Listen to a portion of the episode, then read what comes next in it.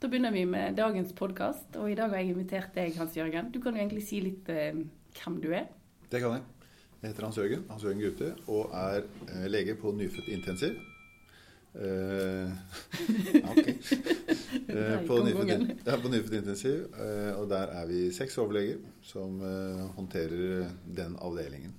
Ja. Um, ja. Og på, på vår avdeling så har vi syke nyfødte. Mhm. Og det kan være barn som er født over termin. De kan være født til termin, men også før termin.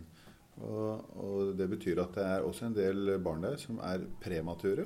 Og de kan være ekstremt premature. Og Da er de gjerne født før 28. uke, og de eh, må ha litt støtte og hjelp for å komme seg gjennom den første tiden Mm. eh, etter at de, de er født. I utgangspunktet så er det sånn at alle barn som er født eh, før uke 34, de kommer på min avdeling helt uansett hvor fine eller hvor dårlige eller hvor sjable eller hva vet jeg. Ja. De kommer inn til oss uansett.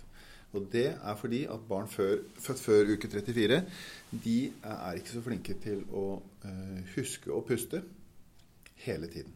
Nei. Så de kan få det som heter apnør. Mm. Da, eh, da kan de glemme seg litt, og så slutter du å puste litt. Og hvis de slutter å puste litt, så kan de bli litt blå. Og hvis de blir litt blå, så kan de også få litt lav eh, hjertefrekvens. Eh, og kombinasjonen av å få, bli litt blå og få, altså få litt lav metning, oksygenmetning, og få litt lav hjertefrekvens, det kan, eh, kan bli en spiral som går nedover. Mm. Og da, må vi, da er det noen som må kunne passe på dem og kunne vite hva man skal gjøre. Og Det er gru- primærgrunnen til at barn under 34 uker de er hos oss uansett. Nå kan det høres ut som uke 34 er en sånn magisk grense, og det er det ikke. Nei, for det som jeg tenkte på, ja, litt lyg av og til, men det handler jo litt om eh, totalpakken og belastning på de ulike avdelingene også. Men eh, Mm. det er jo det jeg er vant med, at vi forholder oss til uke 34. Ja, og nasjonalt og internasjonalt også så er uke 34 en sånn cutoff Mm.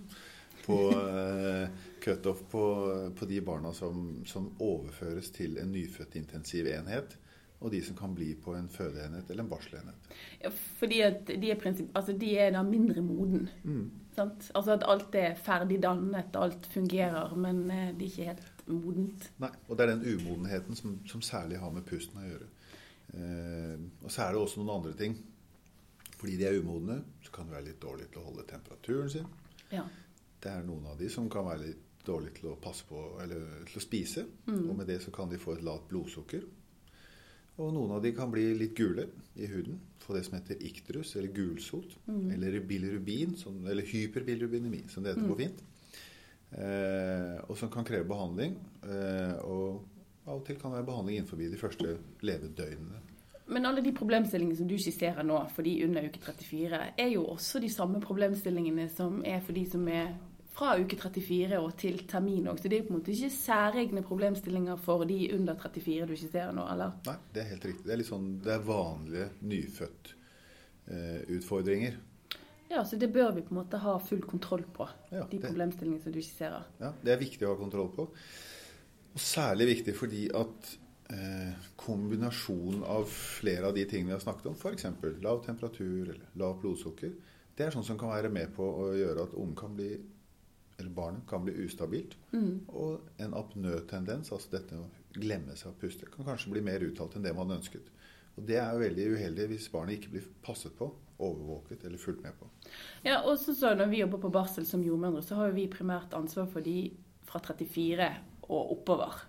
Og det som vi ser, det vi bruker mest ressurser på, er jo de barna fra gjerne 34 til 36 som liksom ikke passer inn i noen av kategoriene. Da de er på en måte ikke for syke til å være på nyfødt, Ja. men de er på en måte ikke friske nok til at vi sier at de er født til termin heller.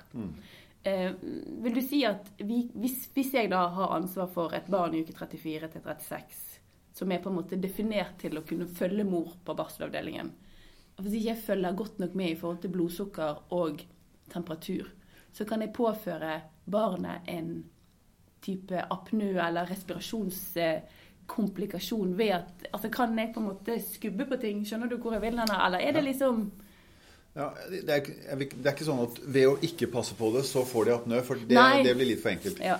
Men eh, Nå må jeg bare kle meg litt her.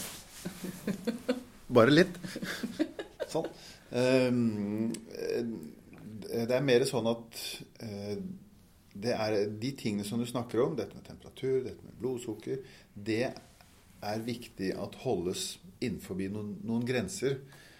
Uh, fordi de har mye mindre slingringsmonn på i forhold til det som er, er, normalt, før det går over til det som kan gå galt. Og Det er ikke sånn at lavt blodsukker f.eks. gir en apnø, eller må gi en apnø.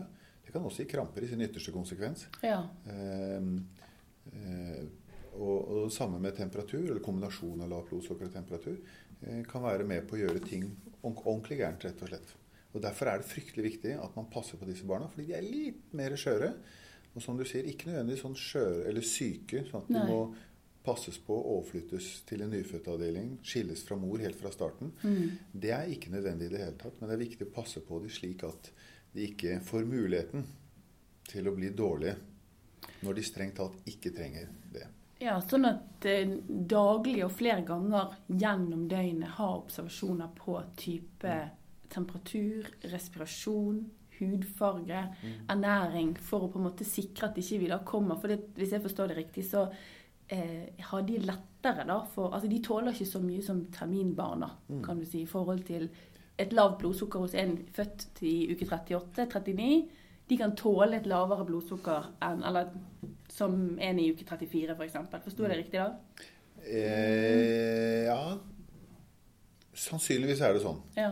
Men vi vet også at lavt blodsukker, bare det å være under de definerte grensene for hva som er normalt blodsukker, mm -hmm både for en 34-uker og for en 38-uker kan være uheldig. Ja. Det, vi vet også at det trenger ikke nødvendigvis å være et veldig lavt blodsukker, eller et symptomatisk lavt blodsukker, for at det skal ha en konsekvens senere. Det er noen, noen, eh, det er noen artikler som er, relativt, eh, som er relativt, nye, altså innenfor de fire, ja, siste fire-fem årene, hvor man har nettopp sett på dette med lavt blodsukker, både symptomatisk og ikke-symptomatisk, på barn, eh, og har fulgt de opp Eh, senere. Og senere da tenker jeg på skolealder. Ja. Og da vet, ser vi altså at som gruppe så er det barn som har hatt lavt blodsukker i nyfødtperioden. De kan, det er en tendens, en assosiasjon, til at de, til at de presenterer eh, dårligere eh, på f.eks. kognitivt da, oh. eh, i skolealder. Så det da, betyr noe. Derfor er det så viktig å passe på det. Ja, men når du da sier lavt blodsukker, så tenker jeg at eh, når du sier det, så vil jeg tenke shit, jeg hadde jo et barn som hadde ett lavt blodsukker. Mm. Er det nok? Og det, den, De artiklene som jeg refererer til her, der snakker jeg først og fremst om å være det er ting som er assosiert med. Jo, jo. Så det, ikke, det, betyr ikke at ett lavt blodsukker, og så er det bare Nei, og det var litt det jeg ville at du skulle si. sånn at du liksom, For du, du, kan jo noen ganger gå hjem fra en vakt og bare tenke Nei! Sant? Men, men, at det liksom Det er en sammenheng. Ja, men, det er en men... sammenheng. Og jo raskere man får Ikke raskere, men jo, mer, jo raskere man får kontroll mm. på et mulig lavt blodsukker, jo bedre er det. Ja. Og da er det sånn at det er guidelines ja. eh, som, eh, som tar for seg blodsukker de første fire timene, de første 24 timene, og de første 48 timene og de første 72 timene. Så det er veldig uhyre viktig å prioritere den gruppen for å unngå nettopp eh, et fall i blodsukker. For et fall i blodsukker har konsekvens for andre funksjoner hos barnet. Så ja. de dropper de temperatur i tillegg. Ja, det kan man si. Eller du kan også si at fall i temperatur er noe som er fort, som kan, som kan forverre en, en, situasjon med lavt blodsukker. Så det er snarere lav temperatur påvirker glukose- eller blodsukkeromsetningen i kroppen. Ja. Eh, og, det, og det, De barna som vi snakker om her, det er jo det som vi definerer som risikobarn. Mm. I kraft at de er født før 37 uker, men allikevel er over 34 uker. Eh, og de gjerne har en fødselsvekt som er eh, lavere enn gjennomsnittet. Og disse barna kan kanskje ligge mellom 2, 2,5 eller 2,8 kg. Mm. Eh, og en god del av disse barna har, er også det vi kaller SGA, altså Small Forgestational Age. Sånn at de er litt små i forhold til svangerskapslengde. Mm. Og med det så, så, så, er de altså litt mer umodne. De har en, en sånn tilleggsfaktor. Ja, og... tillegg til å være lett premature. Ja, for da du måte, begynner du å tilføre enda en, en måte, ny kompleksitet i det vi mm. diskuterer. For vi kan jo ha måte barn fra uke 34 til 36 som har på en måte sin vekt i forhold til vekstkurven for 34 til 36. Og så har vi de som er født i uke 34, som i tillegg er liten. Ja. Men de er ikke liten nok til å gå på nyfødt. Men, og de kan være liten fordi mor har hatt en preklamsi, Ja. f.eks. Kan ha hatt en, en morkake som har vært sviktende av en eller annen art. Og så er det fryktelig masse vi ikke vet om. Ja, dessverre. Så, så Men, men de, de er enda, enda mer på en måte i risikosonen, da. Det er de jo. Og, og I kraft av å være små og litt umodne, så er de litt dårlige til å spise enn en, en som er 7-38 uker. Ja. Eller, de, de barna de, de har næringsvett og spiser stort sett ganske bra. Ganske kjappe med å ønske å die. Og, og, og kan få i gang både produksjon og fremdrift av melk av mor. Og, og plutselig så er ammingen ganske kjapt etablert. Men de minste barna de spiser dårligere, rett og slett. De kan være sugesvake. eh, Og vi vet også at mødre som føder premature barn, kan komme litt senere i gang med melken også. Eh, Og så vet vi også at prematurmelk Nå er vi litt sånn ut på Jo, jo, fun fact-viden her. ja, men, men eh, på. prematurmelk den, eh, den er ikke nødvendigvis helt lik den melken som en mamma som er, har født et barn til termin, har. Nå er det ikke sånn at vi analyserer melken. Ikke ennå, men vi har får utstyr nå hvor vi kan gjøre det. Hvor man eventuelt kan berike f.eks. prematurmelk, sånn at du jazzer den opp til å Altså, bli eh, Han er ikke feit nok, altså. Ja, blant annet. Ja. Ja. Og det er en egen vitenskap i seg selv. Eh, eh, og ikke noe Det er ikke noe enkel materie, bokstavelig talt. Nei, nei men, men når du sier de lite sugevillige eller sugesvake, så handler ikke det litt om eh, kapasiteten til det barnet òg, da? Altså at eh, eh, munnen er kanskje litt liten, de er født litt for tidlig, brystet blir litt for stort, og energinivået er Altså, de har ikke kraften til å klare å stimulere brystet på samme måten som et barn til eh, Ja. termin. Altså ja, det er helt eh, riktig. Og, og, særlig det, der, og det, det der å skulle ha en liten munn, eller være liten, og skulle slutte om en stor brystknopp, og du skal suge, svelge og puste samtidig, det, er, Det- det koster masse energi. energi. Eh, og det klarer de ikke nødvendigvis å holde så lenge at det, har, at det virkelig får stimulert brystet. At du virkelig får fremdrift Mm. av, og, og økt produksjon av melken. Det er jo viktig for oss som på en måte skal være der i support for mor og barn, og eh, på en måte ha eh, kunnskap og eh, tanker for disse tingene her. Det er ikke bare å legge det barnet til å tenke den har diet tre, hver tredje time. For det er ikke sikkert at den har fått noen ting i det hele tatt. Nei. Og særlig i starten så er det for å få dette i gang Og retningslinjene nå er jo sånn at eh, vi skal eh, Altså barna skal legges til ofte. Mhm. Kanskje 10-15 ganger i løpet av det første døgnet. Ja. Legges til hyppig for å få i gang for å få dette på plass. Men for disse her minste barna så vet vi også at dette får de ikke så godt til. Mor ikke, har kanskje ikke kommet så godt i gang med produksjonen. Så de skal ha måltider, altså de skal ha mat i tillegg. Mm. Og de retningslinjene som, som er felles nå for, for barne- og ungdomsklinikken og for kvinneklinikken og barselavdelingen, det er jo nettopp at, at i tillegg til at man legger til hyppig, så skal disse her barna som er en særskilt gruppe, det vi kaller disse risikobarna, ja, de skal ha mat, eh, måltider, i tillegg. Sånn at vi er sikre på, og særlig det første døgnet, at vi får nok mat i de. Eh, og det er alt fra 5 til 15 milliliter per måltid. Eh, ja. Ja, og da, jeg vet jo at De kan jo være litt sånn utfordrende. akkurat, For det, da har vi det som vi kaller for disse, for nå snakker du litt om disse åttemåltidsbarna som vi har Ja. på barselavdelingen. Ja. Og noen ganger jeg ser jo jeg at sånn som fra 34 til 36 La oss si da at eh, jeg fulgte ikke helt med i timen. Mm. Eh, barnet falt i blodsukker.